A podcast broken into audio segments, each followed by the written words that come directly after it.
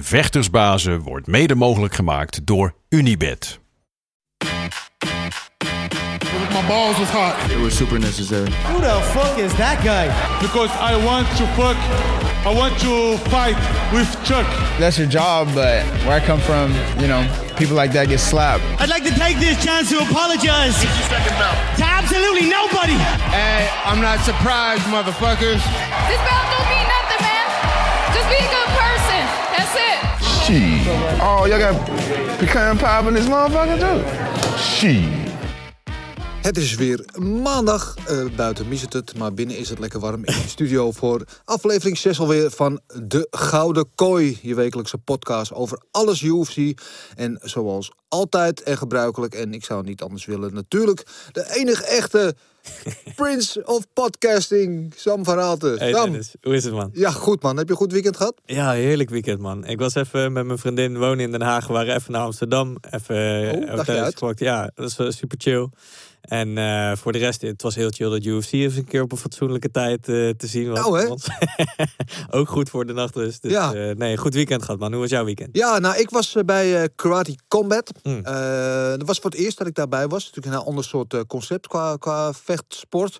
Eh, eh, ja, het, lijkt nog het meest een beetje op het oude Amerikaanse kickboksen. Dus Mm. eh, full contact karate, zonder low kicks. Maar wel vrij ja, pittig, vrij harde gevechten. En ja, het is heel...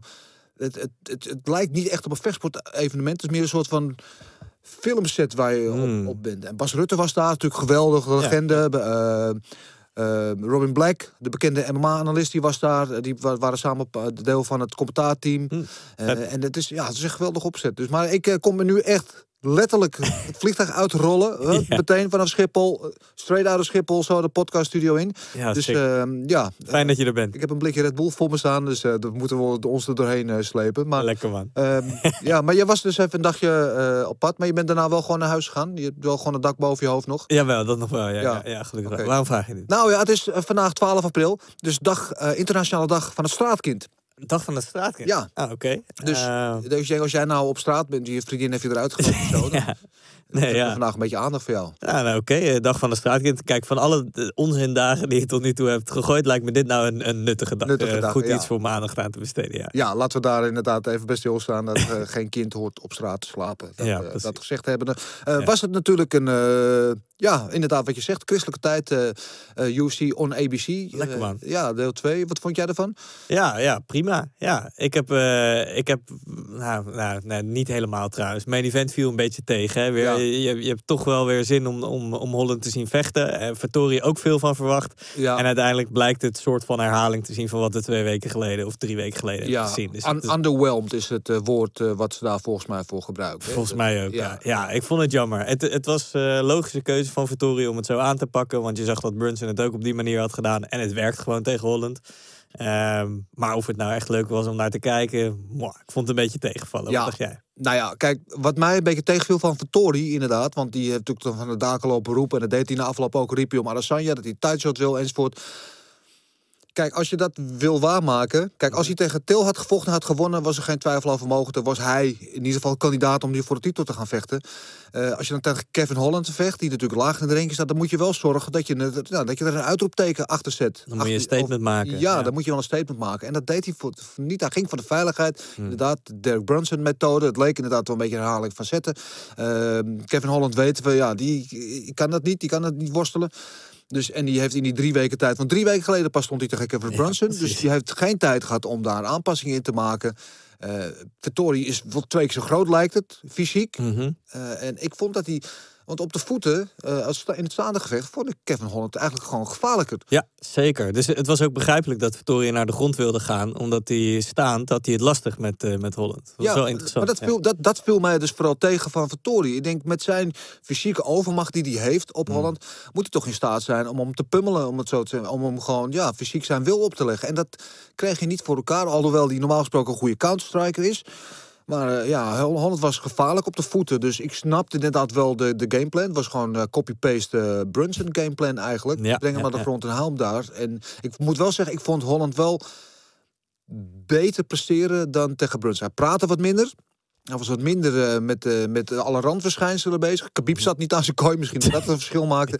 Maar Ehm, hij was op, te- als hij op zijn rug lag, wat het grootste gedeelte van het gevecht was, was hij ook wat actiever in zijn verdediging en zo. Hij had wat meer momenten op de voeten dan de eerste keer.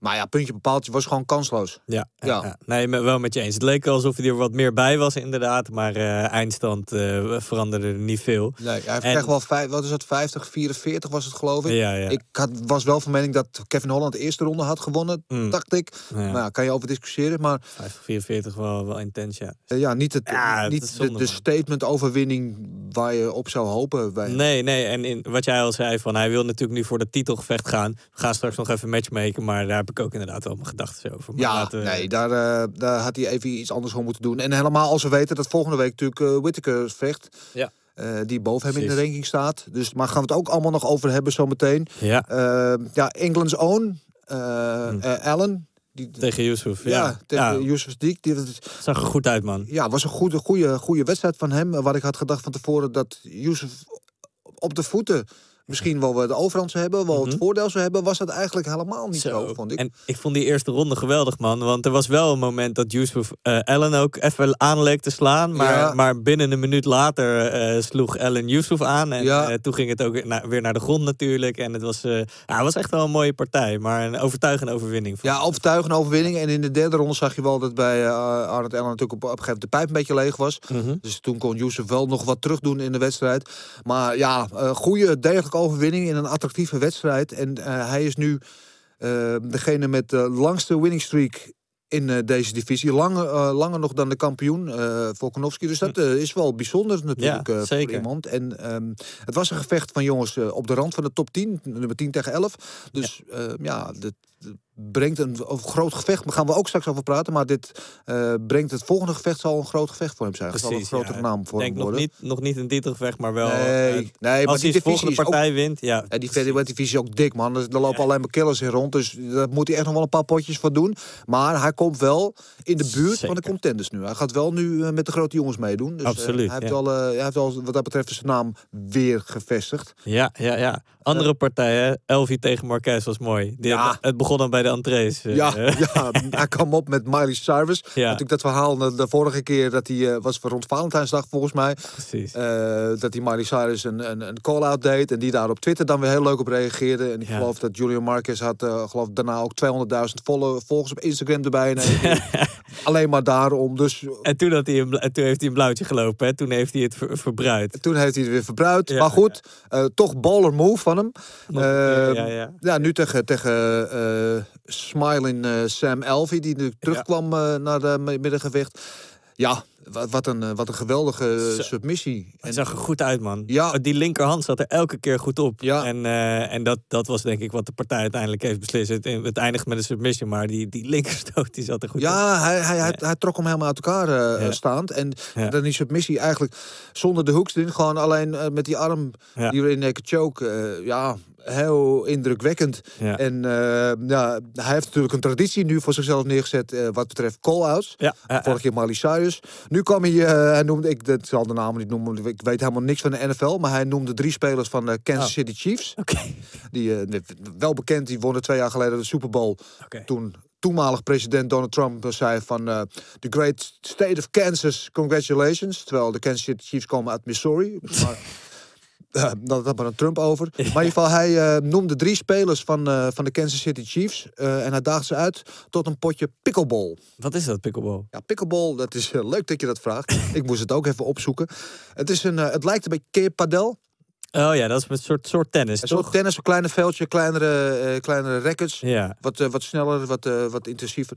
Nou, daar Ja. lijkt het een beetje op. Het is een Mm. beetje een Amerikaanse variant. In Mm. Amerika, ja, nu, hier is het een soort van de hipste sport geworden nu. Want Ja. die, die, die padelveldjes die, die vliegen als paddenstoelen uit de grond.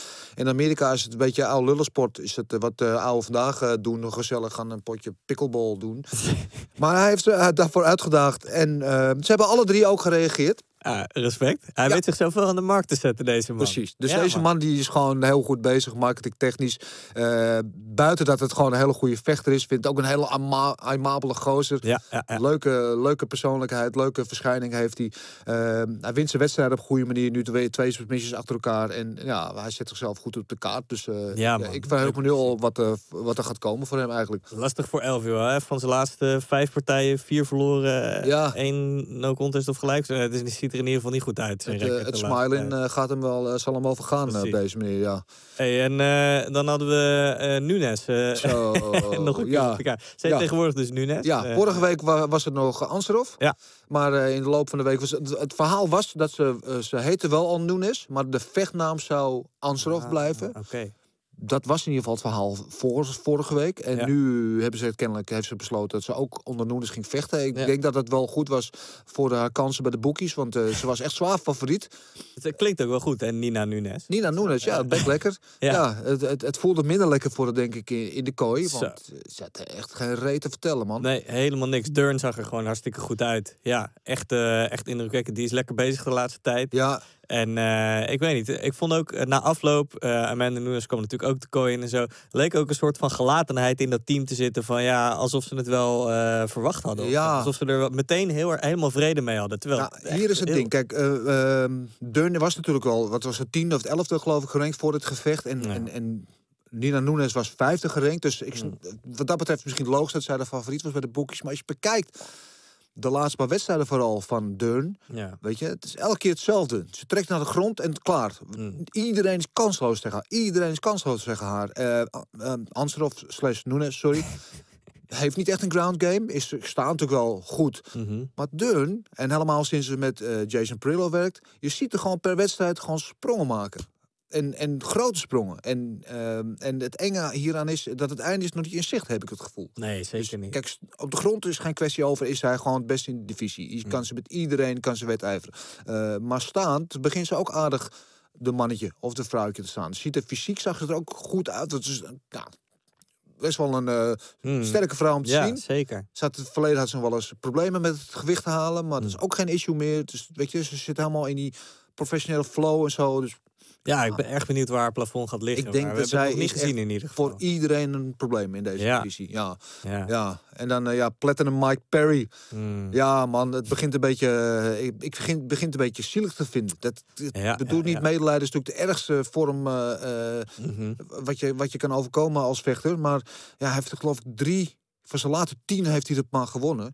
Het was ook moeilijk om geen medelijden te hebben met die, volgens mij was het Instagram-post die hij deed van I used to be great. Weet je wel, dat Ja. hij zelf ook het gevoel heeft van eh, er is iets helemaal mis aan het gaan. Ja, En eh, ja, veel mensen zeiden natuurlijk terecht van eh, hij heeft ook geen team, weet je wel. Hij moet ook gewoon kappen met dat gezeik met zijn vriendin in zijn hoek en al dat klooien de hele tijd, weet je wel. Hij moet gewoon een, een vaste trainer hebben en, echt, en aan zichzelf blijven werken. ja. Hij dacht waarschijnlijk ergens dat hij er al helemaal was, maar het, ja, Ja, als nou, dit- het gekke is dat hij nu dus wel zijn voorbereiding had gedaan eh, bij een nieuw team. Dus Ja. hij, maar die coach kon dan weer niet komen of zo. Het is allemaal weer een beetje het hangt van, ja. gekkigheden aan elkaar. En eh, ja, kijk, eh, Rodriguez deed het gewoon heel goed tegen hem. Mm. Weet je, en, en, en het is ook een, een belofte, denk ik, in deze divisie. zeker. En van Mike Perry, ja.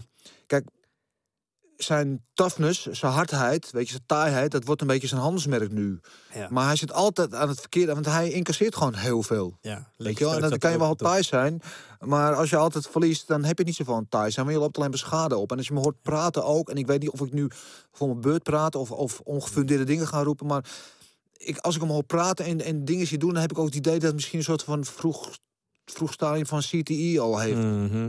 Weet je? En als je ziet, wat, hij is alleen maar in oorlogen altijd. Mhm. En, en ehm, hij maakt altijd de als hij niet vecht, vliegt hij door ruiten heen. en Ja, weet je Ja, ik, Ja. Ik, ik ben bijna geneigd om te zeggen, iemand moet hem tegen zichzelf in bescherming nemen. Ik vond het eh, dat Darren Till een heel lief eh, statement op, volgens mij was het Twitter, eh, had gezet. Heb ik niet gezien. ah, die had echt aangeboden van kom gewoon een tijdje met ons trainen, weet je. Je familie mag Ja. ook blijven, weet je wel. Ja. Dus hij stapt eigenlijk af van het trollen, maar dit was echt van, eh, Echt weet je, we, we ja. kunnen, we kunnen er wel aan werken, weet je wel. Dus dat Ja. vond ik wel, wel mooi. Darren Till liet zich van zijn beste kant zien. Ja, ja, ja. En eh, ja, verder wat ik zei van Rodriguez natuurlijk eh, ongelooflijk goede, Zeker. goede overwinning. En zag sterk uit. En we gaan straks inderdaad natuurlijk ook over hebben van wat zou er voor hem in het verschiet liggen. Maar Hmm. ja, die heeft denk ik een hele mooie toekomst in deze divisie. Zeker. Zullen we naar de luisteraarsvraag gaan? Ja, we hadden veel vragen. Dat is Ja, leuk. man. Ik vind het fijn dat veel mensen ons eh, weten te vinden. Ja, Eh, leuk man. eh, Shout-out naar jullie allemaal. Ja, eh, ik wil de meeste vragen kwamen allemaal binnen via Insta. Dat is prima. We gooien ook elke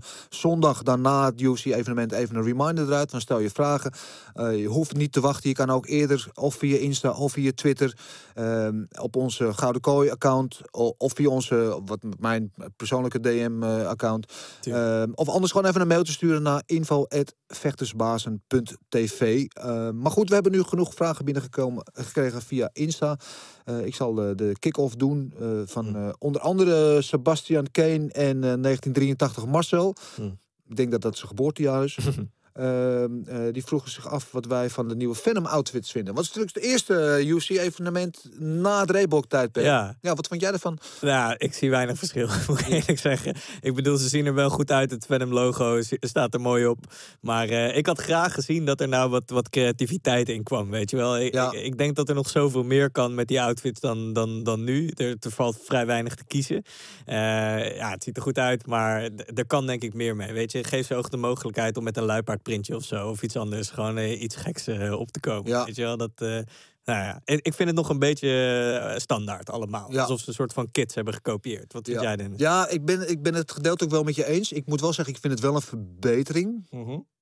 Eh, Al is het maar licht, maar ik vind het wel een verbetering qua uitstraling en ook van hoe het zit. Eh, met name ook bij de, bij de dames outfits eh, vond ik dat. Ehm, met in mijn achterhoofd dat Venom natuurlijk gewoon echt een fight gear merk is. Eh, niet zoals Reebok, die dat er eigenlijk een beetje bij heeft genomen. Zonder dat ze een achtergrond in die sport hebben. Dus misschien dat ik daardoor bevoordeeld ben. Ik vond het wel er, er beter uitzien. Eh, ik vind het gegeven dat de kampioen in zwart en goud eh, mag vechten. Dat vind ik best wel een cool ding eigenlijk. Ehm, eh, maar inderdaad, weet je wel, ja, er mag wel iets meer gepersonaliseerde dingen mogen erin zitten. Weet je wel, een Bryce Mitchell bijvoorbeeld, die graag altijd in zijn cameo Hmm, ja. shorts wilde vechten. Weet je, nou ja, geef zo iemand aan de kans. Ik begrijp ook dat ze van die 300 plus vechters die hebben bij de UFC niet allemaal een persoonlijke broekjes kunnen maken. Ja, waarom niet, man? Ik, eh, Ja, is lijkt- ook weer waar. Ja, toch? Ik bedoel, als je dat eh, serieus neemt als, eh, als merk en je wil jezelf echt goed in de markt zetten, weet je waarom Ja. niet? Dan zou ik echt met elke vechter, zeker met de grote namen, gaan zitten. Om Ja, dat van, sowieso. Hoe ja. kunnen we iets maken wat, wat echt jou uitstraalt? Ja. Dus daar is nog wel, het is een verbetering, maar er is ook nog wel ruimte voor. Ja, en het, het is natuurlijk het, het, het- wat het belangrijkste is misschien nog wel dan hoe het eruit ziet, zijn natuurlijk de fighter pay, dus wat de vechters eraan overhouden. Maar dat is eigenlijk ja, eh, druppel op een gloeiende plaat. Ik geloof dat ze er eh, 500 dollar eh, eh, per keer op vooruit gaan, zo de vechters. Zoiets gemiddeld. Ik weet niet uit mijn hoofd. Nou ja, Het is allemaal online terug te vinden. Dus ze gaan er wel iets op vooruit. Dus dat is fijn voor ze. Maar ja, het zetten we ook niet echt zo aan de dijk. Nee. Hey, dan de volgende vraag. Eh, Jarno Ernst en Robertinho vroegen bij Inst op, via Instagram naar de toekomst van de UFC in Nederland. Ehm, en eh bedoelen ze dan eigenlijk, denk je, vooral op, eh, op de toekomst met het uitzenden? Of, eh, Nou ja, ik, ik las een beetje daarin van... komt er nog een keer een UFC hier? Krijgen Oh, nog een zo. evenement? We hebben natuurlijk Ahoy twee keer gehad. ja. maar dat is ook alweer een paar jaar geleden. En voordat corona uitbrak waren ze bezig met een eh, event eh, in eh, Nederland te plannen, hè, volgens mij. Dat heb ik toen van verschillende vechters gehoord. Volgens mij Ja. ook van Saki, die toen nog onder contract stond eh, daar. Ja, dat was wel het idee. Eh, dat hing toen ook nog een beetje samen met Alistair Overeem. Ja. Die natuurlijk op weg was misschien weer naar een title shot. En als dat zover Mhm. was gekomen, hadden ze dat misschien in de arena willen doen. Eh, daar, eh, daar waren ze inderdaad mee bezig. Ja. Maar ja, we zijn nu eh, inmiddels eh, een stukje verder. En eh, corona heeft natuurlijk hard toegeslagen. Dus Ja. nou ja, ze gaan volgende week, nou voor twee weken voor het eerst weer met publiek in Florida. Ehm, ik denk dus dat buitenlandse evenementen, Europese evenementen helemaal nog eventjes voorlopig ver van onze bedshow is. En als ik heel eerlijk ben, ja, we hebben natuurlijk alleen Chimène de Randemie nog. Dat is het ding, ik wou al zeggen. Weet En, je, en met een beetje fantasie kun je Giacchino Roostruik ook als Nederlander rekenen. Ehm, dat doe ik altijd graag trouwens. Natuurlijk, ja. Maar die, die heeft hier natuurlijk ook gewoon wel fanbase, inderdaad. En, eh, maar dat, dat is het inderdaad. Er natuurlijk, eh, zijn natuurlijk weinig Nederlanders nog over. Dus ik denk dat we als we kijken naar evenementen doen in Europa op termijn, dat we dan als Nederland ook een beetje achter in de rij staan. Als je ziet bijvoorbeeld nu eh, Polen met, eh met Blachowicz en eh, Joanna en zo. Er zijn genoeg andere landen waar ze eerder Ja. Italië met Vettori en weet ik het. Dus, Engeland. Ja, Engeland. Dus de, wat dat betreft moeten we denk ik ook even. Ja, en Engeland zou natuurlijk eigenlijk de laatste evenement voor de lockdown, voor de, de pandemie uitbrak, zou in Londen zijn. Hmm. Vorig jaar juni, geloof ik, of mei. Ehm, eh, dus, dus ik denk als het weer open gaat en ze gaan weer internationaal. zou dat. ik slokje water nemen. Ja, neem even een slokje Ja. water. Nee, maar dan zou eh, Engeland geweldig zijn. Ze hebben natuurlijk ook net, Ja. we hebben het vorige week al besproken, Paddy, de Paddy Pimblett erbij gehaald. Ja. Weet je, dus als ze in Liverpool iets willen doen met, eh met Til en, en hem, of in Londen kan natuurlijk ook, Ja. dan, dan, dan gaat dat wel goed lopen. Even kijken hoor. Wat is de volgende vraag? Ja, ik krijg via Raoul op Insta.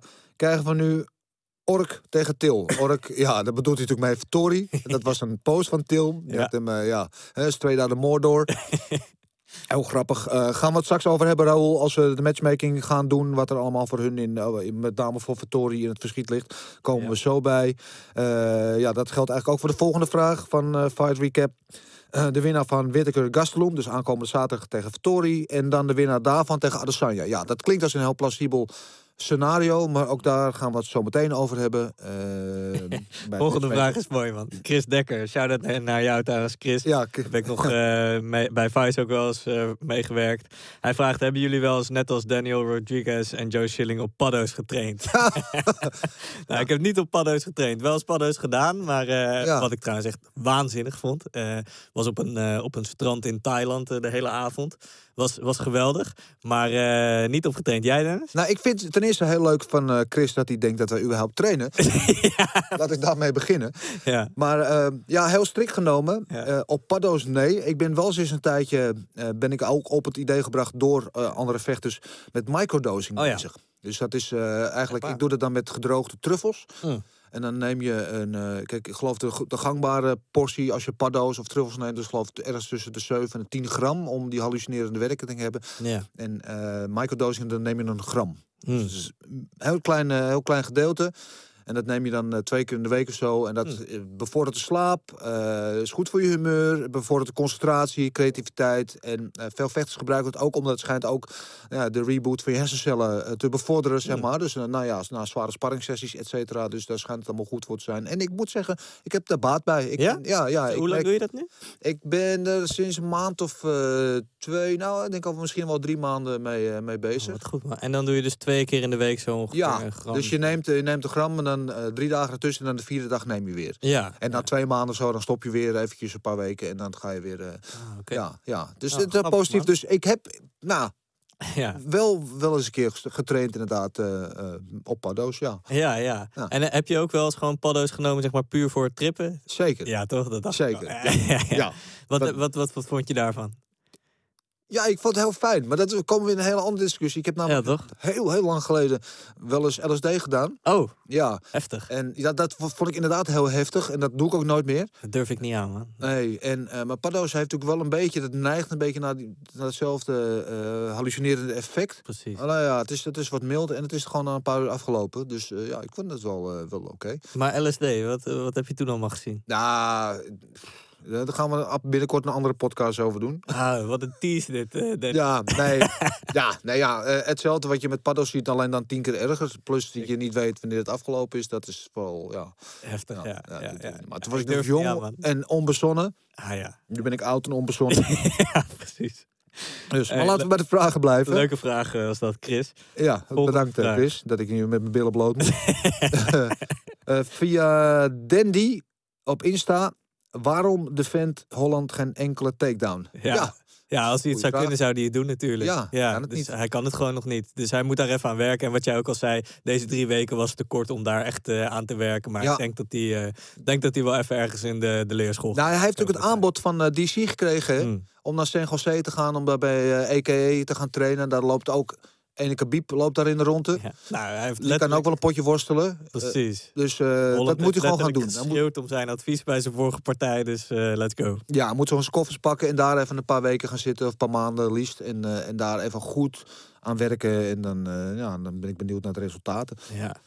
Oké, volgende vraag dan van Soraib. Wat vinden jullie van Ilias Boulet? Next best thing in Bellator of UFC? Ah, hij heeft er in al zijn partijen tot nu toe natuurlijk geweldig uitgezien. Ja, ja, het is wel een beetje een. eh, ik, we staan hem met knipogen toe, deze. Want het is natuurlijk eigenlijk geen UFC-gerelateerde vraag. Hij heeft er wel UFC bij gezet, maar hij staat ook gewoon onder contract bij Bellator. Ja. Maar omdat wij Ilias allebei heel tof vinden, Mhm. gaan we hem wel gewoon meenemen. Hmm. Ja, ik vind Bullheid heeft alles in zich om een superster te worden. Ja, ja, in alles. In zijn Klopt. vechtstijl, in zijn persoonlijkheid. Klopt. Eh, hij is slim. Hij, is, eh, hij heeft een sprankelende persoonlijkheid, inderdaad. Eh goede kop erop. Weet Ja. je wel. en de manier waarop hij vecht, jongen. Ja, het is. Het volume, ja. niet normaal. ja, het is het, het soort mini-Mike Tyson, vind Zo. ik het al. super explosief. Heeft hij eigenlijk een partij staan binnenkort? Weet ik niet. Ja, nou, we hadden hem laatst bij Vechterspaas in de podcast. Ja. En toen was hij wel aan het schermen met een, met een datum. Maar het was volgens mij nog niks definitief. Oké. Maar ik heb toevallig deze week hebben we zijn trainer Said El Badawi bij Vechtersbaas in de podcast zitten. Dus dan gaan we hem daar zeker over praten. Dus eh eh Sorijp, mocht je dit horen, eh, luister dan ook even naar Vechtersbazen. En dan, dan hebben we misschien wel het antwoord voor je wat zijn volgende partij is. Maar ja, next best thing. Ik denk dat hij wel ja, de volgende grote Nederlandse MMA-ster is. Ik hoop het heel erg, man. Ja. Ja. Tijd voor Henry? hoofdzaken. Lekker, man. Ja, Henry Hoofd. Ik had hem natuurlijk weer eventjes aan de lijn. eh, zoals elke zondag gezellig. Hij lag weer heerlijk op zijn, eh, zijn lichtbed in zijn tuin in Florida onder een palmboom. Terwijl wij hier in het gure wintersweer Oh, wat zitten. een leven. Ja, verschil moet er zijn. Eh, maar ja, hij had natuurlijk Adam Boric vechten in Bellator afgelopen vrijdag. Die natuurlijk goede partij daar vocht tegen Kennedy. Mooie overwinning boekte. Hij had daar nog iemand vechten op de kaart. En hij had ook bij de UFC had hij iemand vechten in Pa. Moet ik het goed zeggen? Uh, Kasanganai. Is dat Eh, die jongen die eh, toen tegen Buckley die, eh Die is- trap kreeg? Ja. en die heeft ook gewonnen. En dat gun ik hem. Want Ja. die knockout tegen Buckley... die gaat natuurlijk tot het einde van de dagen... in elke UFC-promo ook ga je die terugzien. Dus hij is wereldberoemd tegen Willem Dank. Ja. Dat hij aan het verkeerde eind van die trap zat. Van een Eh, once in a lifetime eh, ja. trap, ja. heeft nu gewonnen. En Henry Hoofd is hij, hij is, ik ben nu, geloof ik, dit jaar... of in ieder geval de laatste 17 partijen... heeft hij er 16 gewonnen. Dus doen het gewoon Hmm. echt supergoed. En wat ik heel mooi vond... In de reacties eh, op Instagram onder het bericht van Adam Boric dat hij gewonnen had, zie je al die vechters van Sanford MMA, Hmm. Michael Chandler, Rumble Johnson, nou noem ze allemaal, al die jongens die daar rond, het zijn natuurlijk een heleboel, en die zijn allemaal heel betrokken, heel engaged. Ja, Die mooi is dat, hè? Ze Echt echt een soort heel broederschap zit daar in die, dat team. Ja. ja, dus echt een heel erg team. En eh, nou ja, ik vroeg hen in je hoofd ernaar, is dan nou eigenlijk de, de, het geheime ingrediënt van jouw succes? Laten we even luisteren. Ja, ja, en dat is, was, was leuk. Gisteren was Din Thomas eh, bij ons op de sportschool. Of eergisteren was dat. eh, die was op de sportschool en die eh, textte mij. En die zei, je bent er niet, maar... Hij zei, ik ben op de sportschool. En hij die komt van ATT, weet je. Ook een goede sportschool. Hij zei, dit is die vibe hier en al die mensen. Die is zo relaxed. Iedereen, het is zo allemaal... Structure is allemaal goed. En zei ik het ook. Ik zeg, ja, ik, Nederlanders, weet je. We houden het gewoon heel simpel. Of je doet wat ik zeg of niet. Weet je. Heel is gewoon ja. heel simpel. Anders ga je gewoon lekker weg. En... en eh, die, was echt, die was echt surprised. Maar ook van, ja, we hebben dat gewoon. We hebben een goede vibe. Iedereen die bij ons komt trainen zegt het ook. Eh, je kan Castello vragen. Al- Iedereen die bij ons komt. Een vriendenclub. Iedereen helpt elkaar. Ja. Als iemand moet verhuizen, dan zitten ze op de groupchat. Dus ja, dat is toch wel het belangrijkste, denk ik, dat we hier opgebouwd hebben. Een beetje een goede co- culture voor die gasten. Dat ze gewoon, dat ze alleen maar hoeven te trainen. Dat iedereen gewoon elkaar steunt. Dus dat zijn we natuurlijk allemaal, allemaal concurrenten. Ze zijn allemaal wel, eh, ik noem ze allemaal business partners. Maar dat betekent niet dat je rot tegen elkaar moet doen. Of elkaar niet misgunnen. Je moet elkaar juist gunnen, weet je. Ja, ja. Nou, jij zei net al 16 van de laatste 17 wedstrijden gewonnen. Misschien is dit wel, naast natuurlijk eh, de, de kennis en de skills die jij en en je team met ze meebrengt, misschien dat wel de sleutel eh, tot het succes, het geheim. Geheim ingrediënt. Ja, nou, ik denk het ook wel. Want eh, als ik terugdenk aan mijn tijd vroeger bij mijn gym, daar was gewoon ook alles altijd top. Eh, als je dan in de laatste groep kwam en er waren daar 25 mensen, daar waren geloof ik 11 wereldkampioenen. Ja, iedereen was gewoon cool met elkaar. En eh, ja, je probeerde elkaar wel, elkaar wel knock-out te slaan in de training. Dat, Ja. En dat doen wij ook. Maar Ja. buiten dat was alles gewoon cool. En, eh, en ik denk dat je ook een tijd bij, bij andere gasten hebt gezien, bij Mike. Als je gewoon een goede vibe hebt, goede jongens. maar het is moeilijk omdat het natuurlijk een hele professionele sport is. Dit MMA vergeten mensen. Het is niet zoals kickboksen. Het is MMA is heel professioneel. Dus er komt toch wel veel geld bij kijken. En zeker nu tegenwoordig. Dat het heel moeilijk is om eh 60 van die egootjes een beetje eh, bij elkaar te houden. Maar ja, Ja. als je het gewoon goed doet en strak doet en gewoon ouderwets doet. Dan kunnen ze hier wel tegen. Daar houden ze wel van, van regels. Ja, Mooi, Hollandse Heel tucht mooi. daar eh, in Florida. Ja, doet gewoon hartstikke goed. En eh, ik sprak verder met eh, Harry ook nog eventjes over uh, Sprong. Want die was afgelopen week natuurlijk in het nieuws eh, over dat hij wel tegen Rico wil vechten.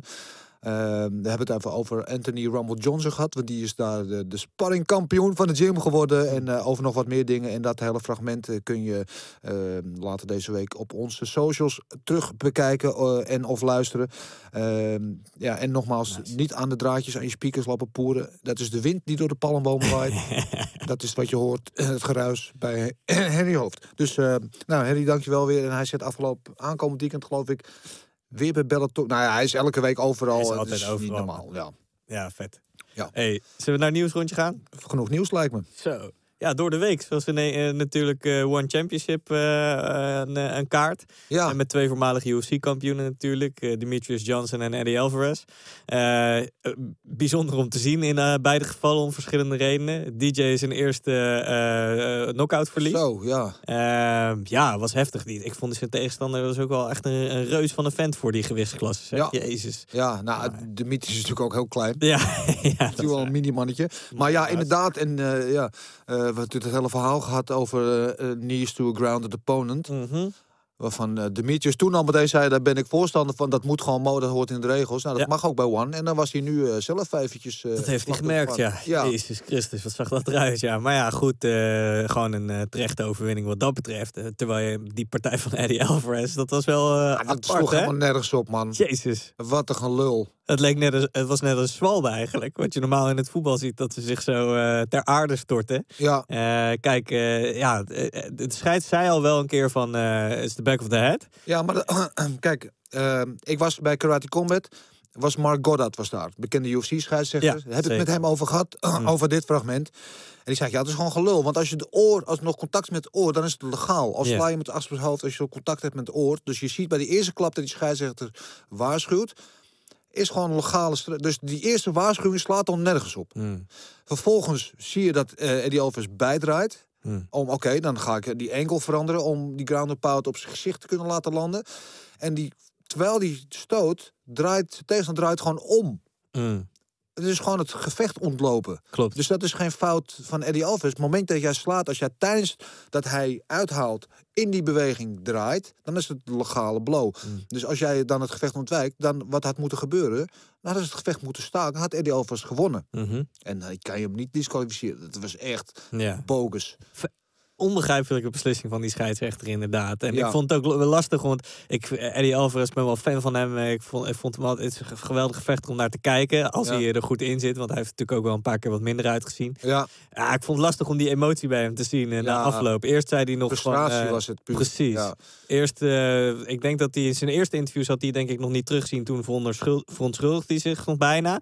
En later toen eh, kwam de emotie wel van, eh, ja, dat, het sloeg natuurlijk allemaal helemaal Nee. nergens op. Dus Nee. dat is eh slechte beurt voor, eh, voor, voor One wat dat betreft ook. Omdat je, je zag in de ene partij een eh knee to a down opponent en dat mag dan wel. En dit mag dan niet. Dat is ja, slechte, staat niet goed voor al die Nee, UFC-fans die nu eens ja. een keer hier naar gingen kijken. Nee, en het is al wel vaker bij One ook gezien, niet om, om op ze te kakken, maar Hmm. ja, het niveau van, van officiating is niet altijd, ik denk, van naar de standaard die ze pretenderen eh, te hebben, weet je. Het is af en toe, ja, het, het, het schuurt bij mij een beetje. Ik denk Ja, van ja, zonde. want dit verpest het allemaal en het, niet omdat het Eddie Alvarez is, maar het is ook wel een grote naam en hij wil natuurlijk nog een keer dat kunstje flik in zijn, eh, later in zijn carrière en ja, dat wordt hem eigenlijk een beetje door de neus geboord op deze manier. Ik, ik vraag me eigenlijk af, want volgens mij hebben we Marcel ook al aan de lijn. Marcel, ben je daar?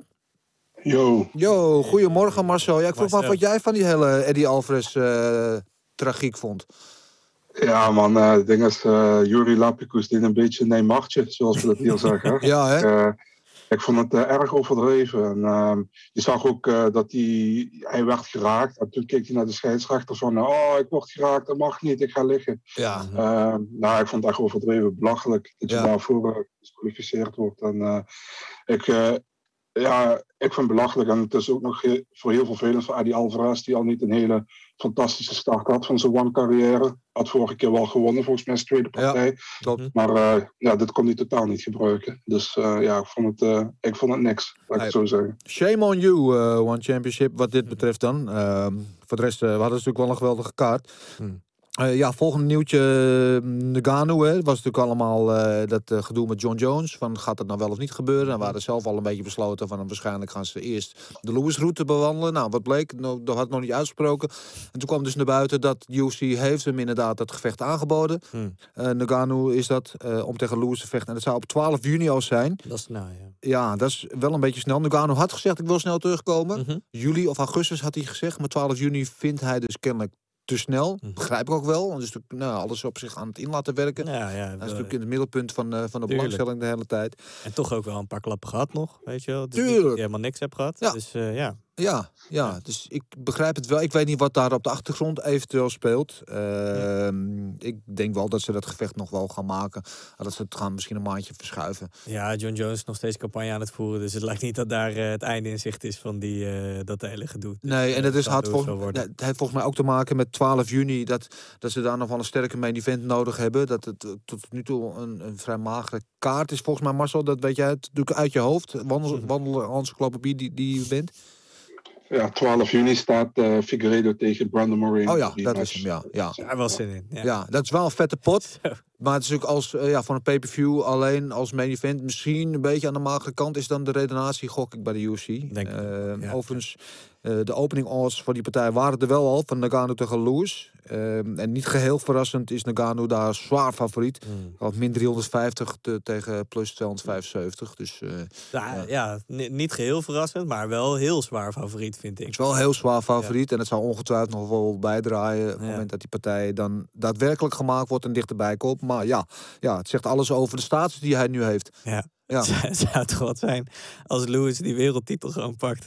Zo, eh, Dana White zou gaan balen, jongen. Heeft hij eindelijk Nagano als kampioen. Maar goed, hey, Ja. laten we naar het volgende nieuwtje gaan. Ik zou het wel leuk vinden. Ja, ik zou het ook wel geinig vinden. Al is het maar, ja, je gunt het die Lewis ook gewoon. Maar goed. Hey, Volkanovski, hij zei dat hij eh, eh, door COVID de longontsteking had en hartproblemen. had. Ja, dat is wel een.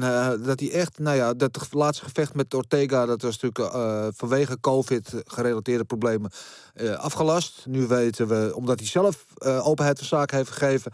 daar wat meer van. Dat hij dus echt gewoon. Ja, eh, COVID-longontsteking, dat is dus, nou ja, eh, COVID dat eh, werkt ook op je longen. En dat Mhm. is zo zwaar dat hij daar dus een hele zware longontsteking Mm. aan overhield. En dat werkte door naar zijn hart. Hij heeft aan de hartbewaking gelegen, in het ziekenhuis. En dat zeggen, op een gegeven moment was mijn hartslag geloof ik nog maar eh, 35 of 32 of zo. Dus echt heel laag. Ja. Dat is, en, en het ging nog naar beneden. Dus gelukkig kreeg hij medicijnen. En die medicijnen sloegen heel snel aan. Eh, waardoor die hartslag weer normaal werd. In die longontsteking wegging. Dus hij kon niet het ziekenhuis uit. Maar hij heeft, ja, hij heeft het zwaar pakken. Dus nou, dan begrijp je ook wat beter waarom ze dat uitgesteld hebben. En, Tja. en, en ja, voor een langere tijd. Want het duurt nog een paar maanden. Ik vind het toch interessant dat, eh, dat je vaak hoort dat die topvechters, of het nou eh Badr Hari is, of nu Volkanovski, of Cody Garbrandt, dat die het allemaal zo zwaar te pakken hebben, zeg Ja. maar. Nee, dat heeft natuurlijk te maken met de lage weerstand. Hè. Als je in, in, Ja. in voorbereiding bent, je bent top, op en top aan het voorbereiden. Dan gaat je weerstand natuurlijk naar laag, eh, omlaag. Dus ben je vatbaarder voor ja, griepjes, virussen, dat soort, eh, dat soort dingen. Ehm, en ja, als je dan COVID hebt. En veel van die gasten, want die denken van ja, ik ben Superman. Mhm. Dus ik train gewoon door. En dat is dus juist wat je niet moet doen. Want rust is dan de remedie. Ja. En het moment dat je dan door gaat trainen, want dat was het verhaal ook bij Cody Garbrandt. Ja, dan krijgt het virus nog meer vat op je. En dan Ja. krijg je het nog zwaarder te pakken. Dus ja, Gam zat ook inderdaad, ja. ja staat ook, ja. Ja, ja. Toen je vast tegen Greg Hardy is Ja, gemaakt. hey, de Gouden Coach Strikes Again, man. Dus We zijn nou 3-0, hè, geloof ik. eh. Ja, lekker, man. Ja, Ja. we gaan lekker bezig. Ja. Ja, ja, het gevecht wat wij eh, graag wilden zien. Ook al eh, zal ik nooit heel snel een gevecht met Greg Hardy aanbevelen. Hopen maar dat hij een goed pak op zijn bek krijgt, toch? ja, Hey, maar eh Sean Shelby luistert dus mee, hè? Dat weten we nu. ja, ja. Ja. en hij verstaat Nederlands. Ja, man. Shout Ja. naar jou, Sean. Speel, speel jij daar een rol in, Marcel? dat jij daar invloed aan het uitoefenen? Ja, man, sowieso. Nee, man. Ja, maar wel, eh, wel een mooi potje, toch? Ja, zeker. Zeker zin in. Ja, dan gaat iemand wel slapen, denk ik. Mm. Eh, en dat is eh, 10 juli, UC 264. Eh, ja, dan krijgen we weer eh Aljamain Sterling. Ja, dat begint wel een beetje... Boeiend, man. Ja, ik begin. Ik, ik had eerst was ik had wel vrij veel sympathie voor hem. Want heel veel mensen kakten op hem dat hij aan het acteren was en zo. En Ja. daar had ik wel. Omdat ik denk, nou, weet je, was gewoon een illegale move. Moet je niet over zeiken. Nu blijkt dus dat hij de rematch heeft afgewezen eh, met eh Piotr Jan. Eh, hij zou nekproblemen hebben waar hij al een tijdje mee kampt. Eh, en eh, hij heeft besloten om dat nu te gaan laten opereren. En eh, eh, het spreekt wel in zijn voordeel dat hij in de aanloop naar die wedstrijd naar Jan, dat hij daar al in een interview wat over gezegd had over die nekproblemen. Dus het, het is niet zo. Ik dacht eerst, nou, dat heeft hij natuurlijk uit zijn, uit zijn duim geschoven. Maar hij heeft het al eerder aangemerkt. Hm. In die wedstrijd eh gooide Jan natuurlijk nog, die smeet hem nog een paar keer op de grond. Knie op zijn voorhoofd. Ja, en ja, dat zou ook niet lekker geweest zijn. Dus daar heeft hij, eh, eh, is het nog erg geworden. Eh, mogelijk negen maanden gaat, hij, eh, zat hij aan de kant. Maar Dus- ja, het enige voordeel daarvan zou zijn dat ze dan, eh, denk ik, die titel wel weer van hem af moeten. ja, dan gaan ze waarschijnlijk gewoon dan gaan ze een interim titel doen. Ja. Dat lijkt me het meest logische ook. Ehm, dus wat dat betreft. Ehm, ja, maar ik zie dan die Sterling weer foto's posten dat hij met die belt zat eh, te paraderen. Na de, denk je, ja, hou ermee op. Ja, die act is wel klaar nu, man. Ja. Het is, eh, ik wa- was wel echt gecharmeerd van hem in het Ja. voor die partij. Maar ik ben er wel een beetje klaar mee. Ja, man. begint een beetje zijn geloofwaardigheid te verliezen als je het mij vraagt. En, eh, Ja. ja, Jan die had er een snide remark op. Die zei van, nou laten we de remarks match doen op Pride Rules. Want zoals we allemaal weten, Pride mag je wel, mag je wel knieën naar een tegenstander die op de grond ligt. En voetstomps en sokken Ja, Ja, dat lijkt me geen goed idee. Nee. Eh, je had nog iets over Sudo en eh, Mayweather? Ja, is dat een- ook een gerucht? Heb ik even gemist. Nou, het Mayweather, even een Mayweather blokje. Dan denk je Mayweather en UFC, wat heeft het met elkaar te maken? Inderdaad, eh Henry Cejudo, Triple C, die postte op zijn Instagram en Twitter een uh, gefotoshopte foto van hem in de stare-down met Mayweather. Hmm. Met de tekst erbij, Cejudo of Triple C versus Mayweather, done deal. Oké, ja. Weer de inval volgt snel. Ja. volgens mij is het weer gewoon Cejudo. Die loopt ook continu te trollen natuurlijk. Ook echt moe van die gast eigenlijk wel hoor. Ik bedoel, eh, z- het was al natuurlijk, was hij de king of cringe voordat hij met eh, eh, pensioen ging dan. Ja. En, en nu lijkt het alleen maar erger te zijn geworden. Ik denk van ja, als, je- als je er nog zo mee bezig bent, ga dan gewoon weer terug die kooi in. Ja, Mayweather zou natuurlijk die eh, demonstratiewedstrijd doen tegen Logan Paul. Ah ja. Broer van eh, Jake Paul, die natuurlijk tegen Ben Askren gaat vechten. Maar die partij is miraculeus verdwenen. Daar hoor je niemand meer over. Die gaat niet door. Dus ja, hij doet natuurlijk alleen maar die demonstratiepotjes. eh, zoals in Japan vorig jaar en tegen, tegen McGregor. Ja, dus ja, wie weet. Maar ik, ja, ik, zie- ik zie het niet voor. Maar Mayweather dook, dook wel opeens op op een foto. Ook met Dana White en? Sakaki Baba. Oh, moet ik goed zeggen? Sakaki Bara. Hm. Dus de, de CEO van Rising en vroegere CEO van Pride. Hm. Ja, zijn we weer bij Pride. Hm. Ehm, dat schijnt een gesprek geweest zijn op initiatief van Mayweather. Die heeft beide heren bij hem uitgenodigd. En die stonden samen op de foto. Hm. Met de tekst erbij van Big Things Are Coming. Dus daar is iets in de maak. wat? wat? het is, weet ik niet. Ga, eh, Marcel, heb jij een idee? Ja. Ik heb totaal geen idee, man. Want je zou kunnen denken, misschien een co-promotie, maar dat doet de UFC niet aan. En uh, de Ryzen heeft wel een co-promotie regelmatig met Bellator. Dus uh, ja. lijkt me sterk.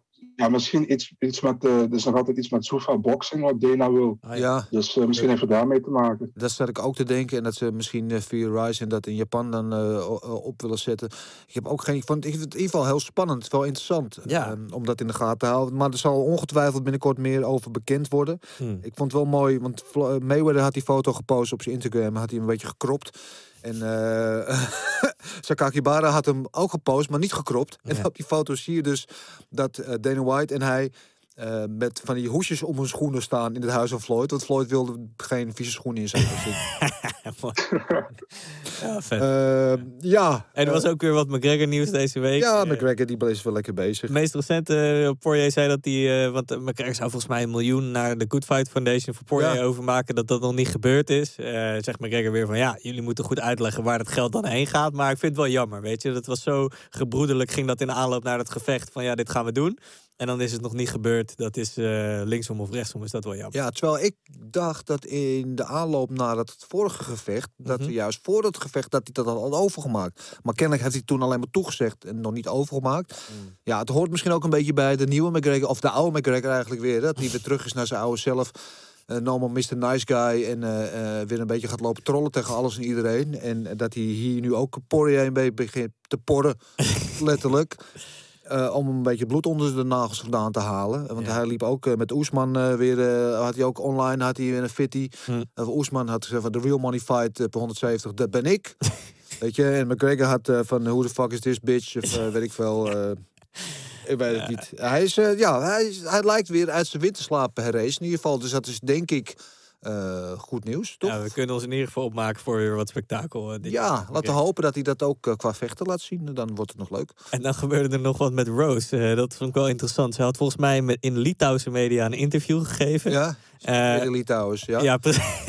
Want haar roots liggen daar. Hè? Dus haar, Ja. haar familie komt daar vandaan. En volgens mij was het haar over, overgrootvader of zo. Die is nog door de communisten daar vermoord of verjaagd of weet ik veel wat. Dus hij heeft wel een soort familiegeschiedenis, een negatieve familiegeschiedenis Mm. ten opzichte van het communisme. En zij had nu in een interview, want ze gaat natuurlijk tegen Zhang vechten, eh, Chinees. Uit communistisch China, communistisch ja. land. En toen had ze de zin eh, better dead than red. of nee, better... Ja, better dead than red Ja. bezig. Wat natuurlijk zo'n oude term was, volgens mij uit de Koude Oorlog nog in Amerika, die tegen de communisten werd gebruikt.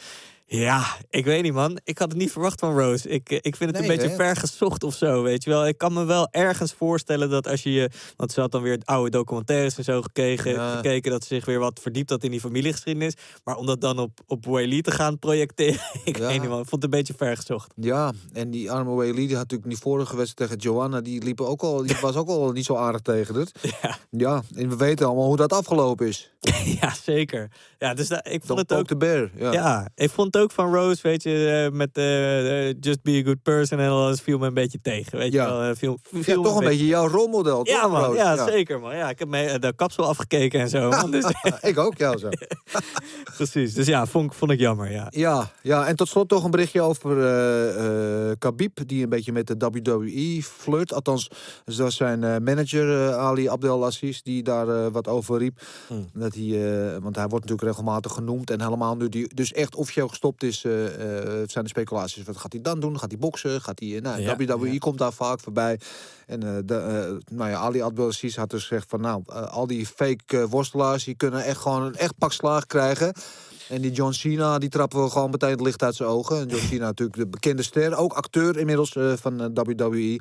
Dus eh, nou ja, ik ben benieuwd. Zou jij het wat vinden, Khabib? In de, zie je het voor je Ik eigenlijk? heb helemaal niks met WWE. Maar als hij een goede zak met geld kan krijgen, kijk, het, het geld boeit hem niet. Maar ik denk dat hij. eh, ja, nee, ik zie het hem eigenlijk niet. Ik zie het niet voor me. Ja, maar dat is het ik meer. Ik gun het hem van. Ik gun hem alle shine, alle Tuurlijk, geld in de hele ja. wereld. Tuurlijk. Maar weet je, dat WWE is ook van uiterlijk vertoon en show. En, en, en, en weet je, nou ja, Veel nog praten, meer. ja. Veel praten. En dat is ook helemaal niet zijn. Dus ja, ik weet het niet. Ik zou het wel willen zien nu we het er zo over hebben.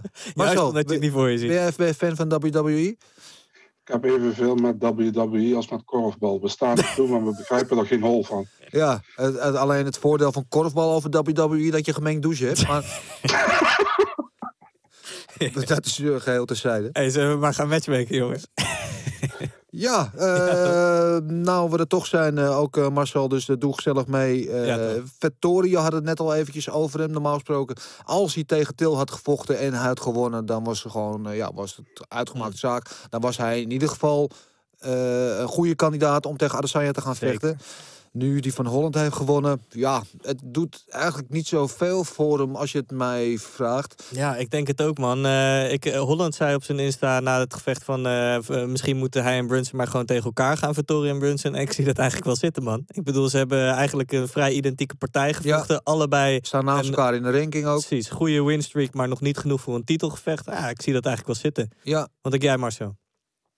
Ja, ik zie hem wel graag tegen Paulo Costa eigenlijk. Ik Hmm. vind dat eh, als de, eh, aankomende week zou winnen, dan moet Whittaker tegen Adesanya gewoon een rematch krijgen. ja, Goeie. En ehm, ja, Vittori dan eventueel tegen Paulo Costa. Maar ik zag ook een tweet van eh Brunson dat hij zei van eh, Paulo Costa is uh, overgesteld als professioneel wijndrinker. Dus Ja. dat mag voor mij eh, tegen Brunson zijn. ja. Ja, mooi. Ja, ik, ik voel voor allebei die dingen ook wel wat. Eh, de grote factor, het grote vraagteken hierin is eigenlijk in mijn ogen Adesanya zelf. Hmm. Die natuurlijk eigenlijk eerder al had aangegeven van ik wil het liefst tegen Til vechten. De vraag is, kunnen ze dat waarmaken nu, nu Til niet gevochten heeft? Ik denk van niet. Hm. Het lijkt me. Nee, het maar ja, je weet het niet. Hè? De, de, de kampioen bepaalt tot op zekere hoogte natuurlijk. Ja. Ik zou zeggen van waarom doe gewoon niet alsnog Vittori tegen Til? Kan ook, ja. Ja, want er is eigenlijk niks veranderd in die divisie nu. Want hij heeft gewonnen van, wat is het, de nummer 10 of wat dan ook. Ja, en die wedstrijd was toch wel een wedstrijd waar ik naar uitkeek. Mhm. Eh, de, de ork tegen, tegen Til. Zeker. Ja, ik weet niet hoe lang Til moet herstellen van de blessure die hij heeft opgelopen. Dat want, is een eh, beetje de vraag. ja. Ja, ja, sleutelbeen eh, ben je meestal niet zo heel lang mee uh, uit de relatie ja. volgens mij. Maar Hm. dat is inderdaad even de vraag. Maar ja, eh, Costa zie ik inderdaad wel zitten voor hem. Eh Brunson zou inderdaad een hele goede optie zijn. Cannoneer dacht ik, die loopt er ook nog ergens in de ronde. Zou ook nog kunnen. Eh, maar ja, wat mij betreft, doe gewoon tegen Til alsnog. Oké. Ja. Wat gaan we doen met Kevin Holland? Ja, Kevin Holland, wat we eigenlijk vorig jaar ook zeiden, dat is Ja. niet zoveel aan veranderd. Terug naar welterweight, man. Terug Ja. naar die 170. Klaar met, want zag nu ook, hij woog ook weer in op, geloof ik, 183 of zo, onder de limit weer. Ja. Ehm Vittori leek wel twee maten groot. Het leek echt gewoon wel twee wi- gewichtsklassen tussen te zitten. Hij heeft daar niet zoveel. Alhoewel hij het op de voet, zoals gezegd, wel goed deed. Maar hij moet gewoon, denk ik, terug naar 170 gaan. En Mm. eh, nou, daar is genoeg voor hem te doen. Er zijn genoeg mooie potjes. eh, kan hij een naam? Kan hij, nou ja. eh, Robbie eh, Lawler hadden we ook al genoemd vorige keer. ja, wat dacht je van eh eh Platinum Mike Perry bijvoorbeeld? hey, dat zou nou eens een leuke partij zijn. Ja, Ja, Ja, dat Ja, zou ook een goede de zijn. build-up zou ook leuk zijn. Wat denk jij Marcel? Ehm, ik, ik zou wel iets zien als die naar welterweight gaat. eh, Nico Price. Zou Ja, dat zou ook mooi zijn, ja. Ja, goeie. Ja, ja Nico Price, die had ik ook nog eh, voor iemand anders eh, in mijn hoofd. Eh, maar ja, dat zou inderdaad kunnen. Maar in ieder geval weg uit die, eh, weg- uit die middleweight. En lekker inderdaad, zoals gezegd, naar eh, San Jose. En daar eventjes aan het worstelen werken. Lekker man. En Ja. dan op een gewichtsklasse later, lager, weer even terugkomen en laten zien wat voor verbeteringen je hebt gemaakt. Wat gaan we met Allen doen? Goeie partij gehad. Ja, Marcel, wat denk jij? Wat zie jij? Ehm, sorry, ik eh, Ar- Arnold Allen. Arnold Allen, ja. Ja, het ding is, ik, wa- ik was toch wel... Ik vond hem toch wel goed, man. En ik had het eigenlijk niet eh, verwacht dat hij het zo goed zou doen. Nee, jij hebt eh Eh, Yus- Yusuf gezegd, hè? Ja, klopt. Ehm, ja, tegen wie zou hij hem kunnen doen? Hij, hij moet wel iemand wat boven hem staat krijgen, denk ik. En ja, enig wat... Ik zou Josh Emmett misschien doen, maar het ligt er een beetje aan of Josh Emmett, ehm, hoe noem je dat, hersteld is van zijn blessure. Ja, die is geblesseerd natuurlijk nu. Hm. Ja. Ja, ja Josh, dat zou inderdaad een hele goede zijn. Hij zal natuurlijk wel wat omhoog gaan in de ranking nu. Eh, kijken wie er boven hem staat. Ja, Jeremy Stevens, die eh, vecht aankomend weekend. Dan is net geboekt tegen Ja, Corinne het staat Zombie. veel staat geboekt boven hem. Je komt echt al Ja. snel bij Jair Rodriguez en zo uit. En, Ja, Jair Rodriguez, eh Kelvin Keder, zat ik aan te denken. Ah, ook, ja. dat zou ook een mooie pot voor hem zijn. Ik weet niet in hoeverre die weer eh, staat te popelen om te vechten naar het pak slaag wat hij heeft gekregen van Holloway. Of dat hij daar nog eventjes van moet herstellen. Dat weet ik eerlijk gezegd niet. Ja. Eh, ja, daar moet je een beetje eh, aan denken. In die categorie, ja. ja. En, en inderdaad, de rest is bijna allemaal geboekt wat daar boven hem staat. En volgens mij alleen Jair en Zabit is ook nog niet geboekt natuurlijk. Maar ja, is- ja, dat zou ook nog een hele goede zijn. Maar die heeft nou ook al bijna twee jaar niet gevochten zo, klopt. toch? Ja. Daarom, ja, ja. Ja, dat zou inderdaad een goede zijn. Maar ja, dat is, dat is wel weer een behoorlijke eh, sprong op de ranking. Ja. Eh, maar ja, zoals gezegd, als de rest allemaal al geboekt is, Waarom niet? Ja. waarom niet? Ja. Ja. Hey, Mackenzie Dern, wat gaan we met haar doen, man? Wat zijn ook bijna alles boven haar is al geboekt. Ja, Ja, wat denk jij, Dennis? ja, ja eh, ze, ze komt natuurlijk eh, de top 10 in Denderen. Ze heeft gewonnen van de nummer 5. Mhm. Ehm, dus ja, idealiter iets wat boven de 5 ligt. Ja. Ja. En, en volgens mij is Joanna de enige daarvan die niet geboekt staat op dit moment. Precies. ik zou het Ja. graag zien in ieder Ik zou het geval. graag zien. Eh, gaan ze dat doen, de UFC? Dat denk ik niet. Ehm, Ik denk dat, dat ze daar nog mee gaan wachten. Alhoewel ik het wel zou willen zien. Want eh, zoals gezegd, eh Joanna is natuurlijk een fenomeen staand. Eh, maar heeft een hele matige ground game. En nou, we hebben gezien wat Deurna kan doen. Die, Mhm. die fout iedereen op, dus ook Joanna. En er komt gewoon een moment dat ze je naar de grond trekt. Ja. En dan heeft iedereen gewoon een probleem. En staan, zoals gezegd, maakt ze ook behoorlijke progressie. Eh, dus ja, dat zou, eh, dat zou zeker, eh, wat mij betreft, een optie zijn. Maar eh, als het logischerwijs, als je gaat kijken in die top, eh, top 10, waar ze dan nu binnenkomt, zal ze waarschijnlijk binnenkomen op eh 7 of zo. Dus, Mm. En na 7 is nu eh, Claudia Gadelia. Dat zou Mm. wat kunnen zijn. Eh, Marina Rodriguez zou wat kunnen zijn. Ehm eh Kala Esparza. Hm. Wat denk jij, Marcel? Ja, maar wat ik had gehoord is dat Joanna al twee keer een partij eh, niet heeft geaccepteerd, omdat ze een beter gevecht wil hebben. Dus ik zie haar die niet aannemen, eerlijk gezegd. Hm. Ik denk dat eh, Mackenzie Dern tegen Marina Rodriguez zou het meest logische zijn, denk ik, op dit moment. Ehm, omdat ook ja, de meeste zijn geboekt. Eh, Claudia Gadelha dan niet. Maar Nee. Sparsa staat tegen Jan Sionan. Dus ja, ik denk eh, Marina Rodriguez. Oké. Ja, ja, ja dat, eh, jij nog een duit in het zakje doen hierover? Nou ja, Jo- Joanna leek me vet, maar Ja. ja. dat, eh, daar, hebben we al besproken. Ja. Hey, Mike Perry, wat, wat, eh, wat, wat met hem nu? We hadden het er net al eventjes over natuurlijk. Zit in een lastige situatie. Ja, ja, drie van de laatste tien gewonnen inderdaad. Dus dat betekent dat hij de zeven verloren heeft. Ja, ja. Ja, hij heeft geloof ik wel nog één partij op Oh zijn ja. contract. Eén partij op zijn contract. Maar dat zegt natuurlijk niks bij de UFC. Eh, Mhm. Aan de andere kant, ja, eh, hij is wel iemand die komt altijd om te vechten. Dus ik denk dat ze wel een partij voor hem gaan vinden. Nou, we zeiden Mhm. net eh, Kevin Holland. Mhm. Ja, het zou voor hem ook een goede partij kunnen Holland zijn, denk ik. zou een goede zijn, hè? ja. Of haal ik weer Robbie Lawler van stal, maar dat zou ook nog... eh, nog... Robbie Lawler, Carlos Condit, eh, een beetje in die eh, categorie kan je ook eh, denken inderdaad. Ja. Die zijn ook allebei nog niet geboekt uit mijn hoofd, toch Ja. Marcel? Eh, nee, nee. Nee, ja, dus kon dit misschien wel.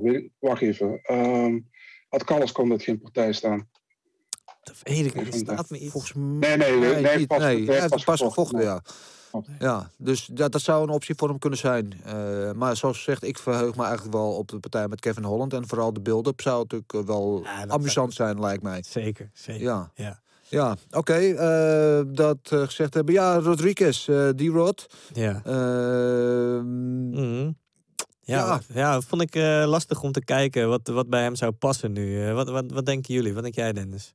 Nou ja, het, het wordt te vroeg om hem ergens een, een gerenkte vechter te geven nog, denk ik. Ik denk dat hij misschien wel daar tegenaan komt schurken misschien. Ehm, ja, ik vind het moeilijk om te zeggen. Ehm, ehm, kom je weer een beetje in diezelfde categorie. Misschien inderdaad een Robbie Lawler, die staat nog net wel gerenkt. Hm. Ehm, Wat denk jij, Marcel? Ik zou eh, even kijken. Mike Perry, Chaos Williams en Michel Pereira tegen Daniel Rodriguez doen. Die ja, twee. Michel Pereira ook een goeie inderdaad. En eh, Nico Price hoorde ik net vallen. Dat zou ik ook een goede wedstrijd voor hem Ja. vinden. Ja, ja. Dat zou in ieder geval attractief zijn eh, op de, op de voet, toch? Zeker. Zeker.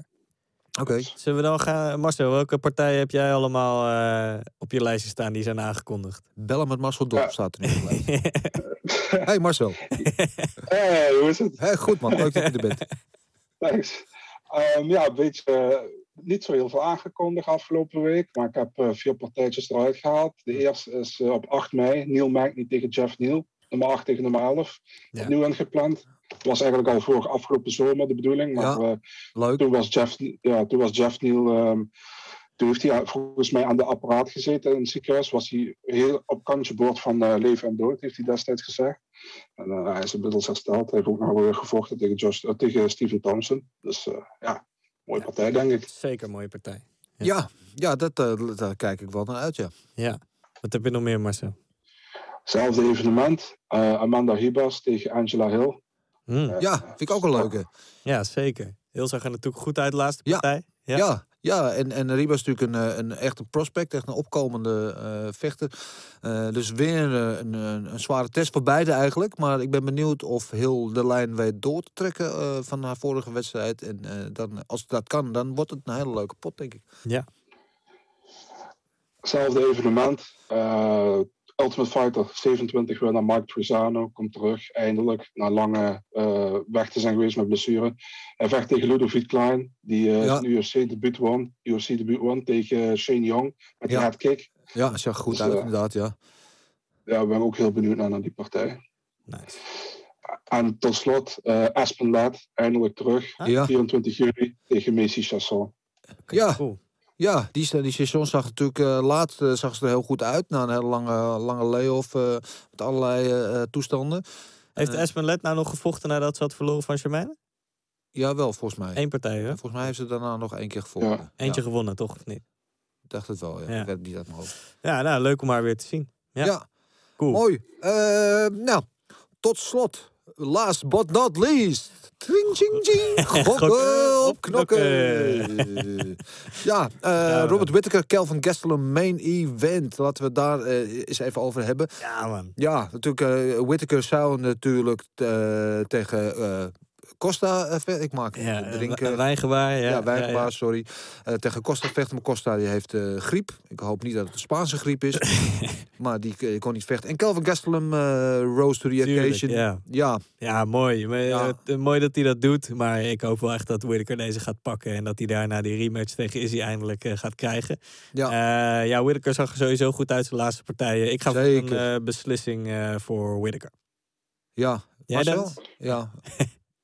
Marcel, wat denk je? Ja, ja eh, eigenlijk. eh, ik, heb, ik heb maar een paar regels eh, als ik eh picks maak. En de ene is van: je gaat nooit tegen Robert Whittaker. Nee. Ehm, en ik ga ook voor Robert Whittaker. Ik denk niet dat. eh, ik zie niet waar Gastelum hem gaat verslaan. Dus ehm, ja, ik wil ook een decision zeggen. Maar om dan, een, om dan net iets anders te doen, zeg ik TKO in de vijfde ronde.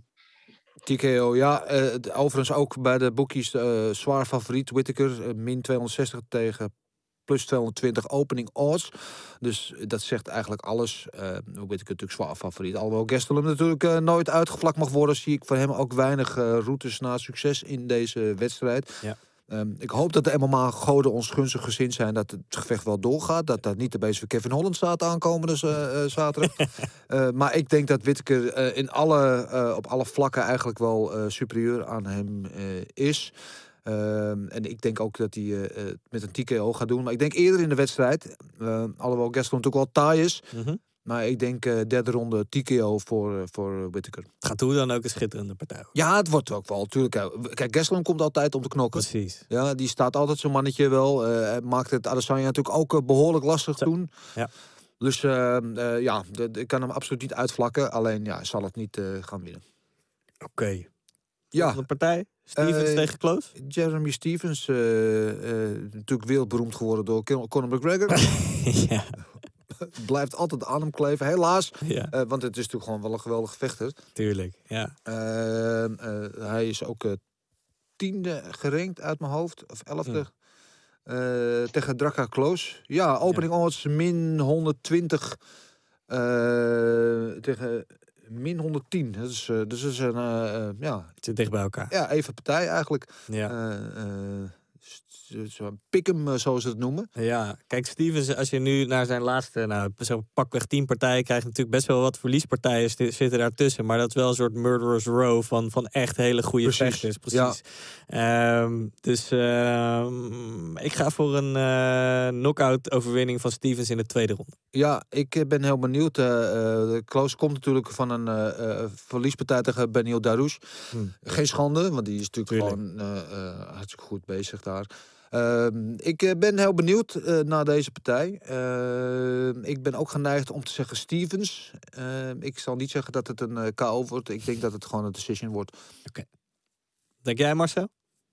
Ja, ik vind het heel mooi dat jullie dat zeggen, want dan kan ik er tegenin gaan. Ehm, Kom maar. Eh, het is een, het is een comeback eh, voor Stevens in de lightweight divisie ook. Eh, Hij is nu weer overgestapt naar lightweight van featherweight. Ehm, nee, ik, heb geen, ik heb geen reden om voor Stevens te kiezen, man. Als ik zijn laatste, laatste partij heb gezien. Ehm zijn laatste win is tegen Josh Emmett geweest.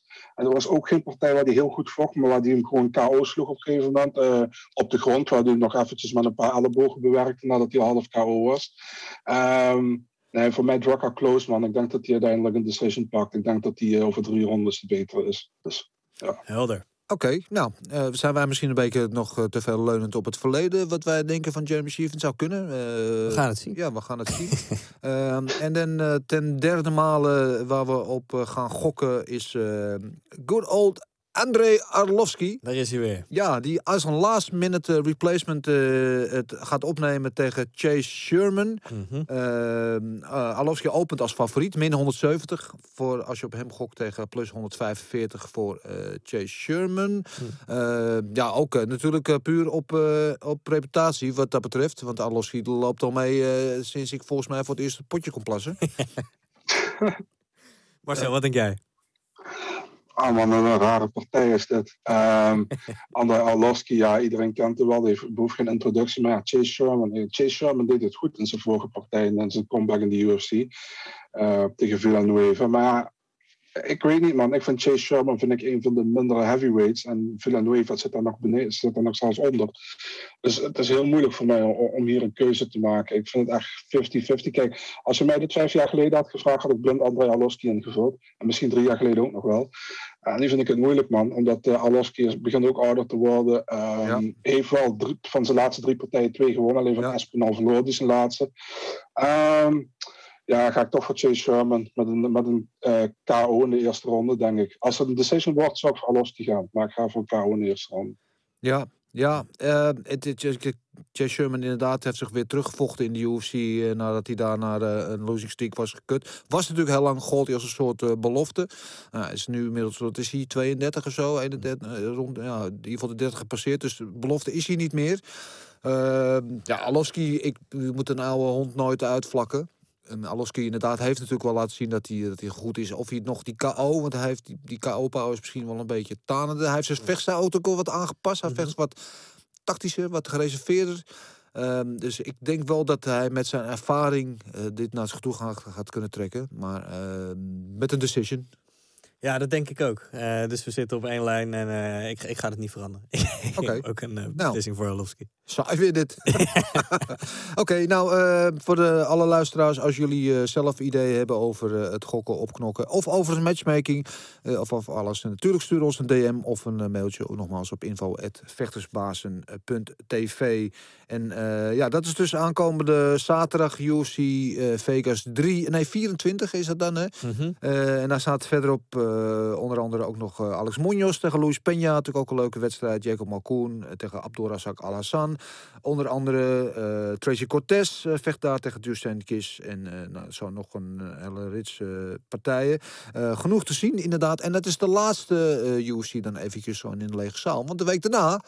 Uh, Publiek. Uh, ja, is het uh, Jacksonville met, wat is het, 15.000 mensen. Lekker man. Ja, dat zal even wennen worden weer. Ja, nou, goed in ieder geval. Ja, Goede ontwikkeling. Ik kijk er wel naar uit. Zeker. Maar ik, ik, ik ben ook wel weer gewend geraakt aan het feit dat je gewoon alles kan horen. Dat ik de vechters tegen elkaar kan horen praten. Dat je de coaching kan horen. Weet je, het is...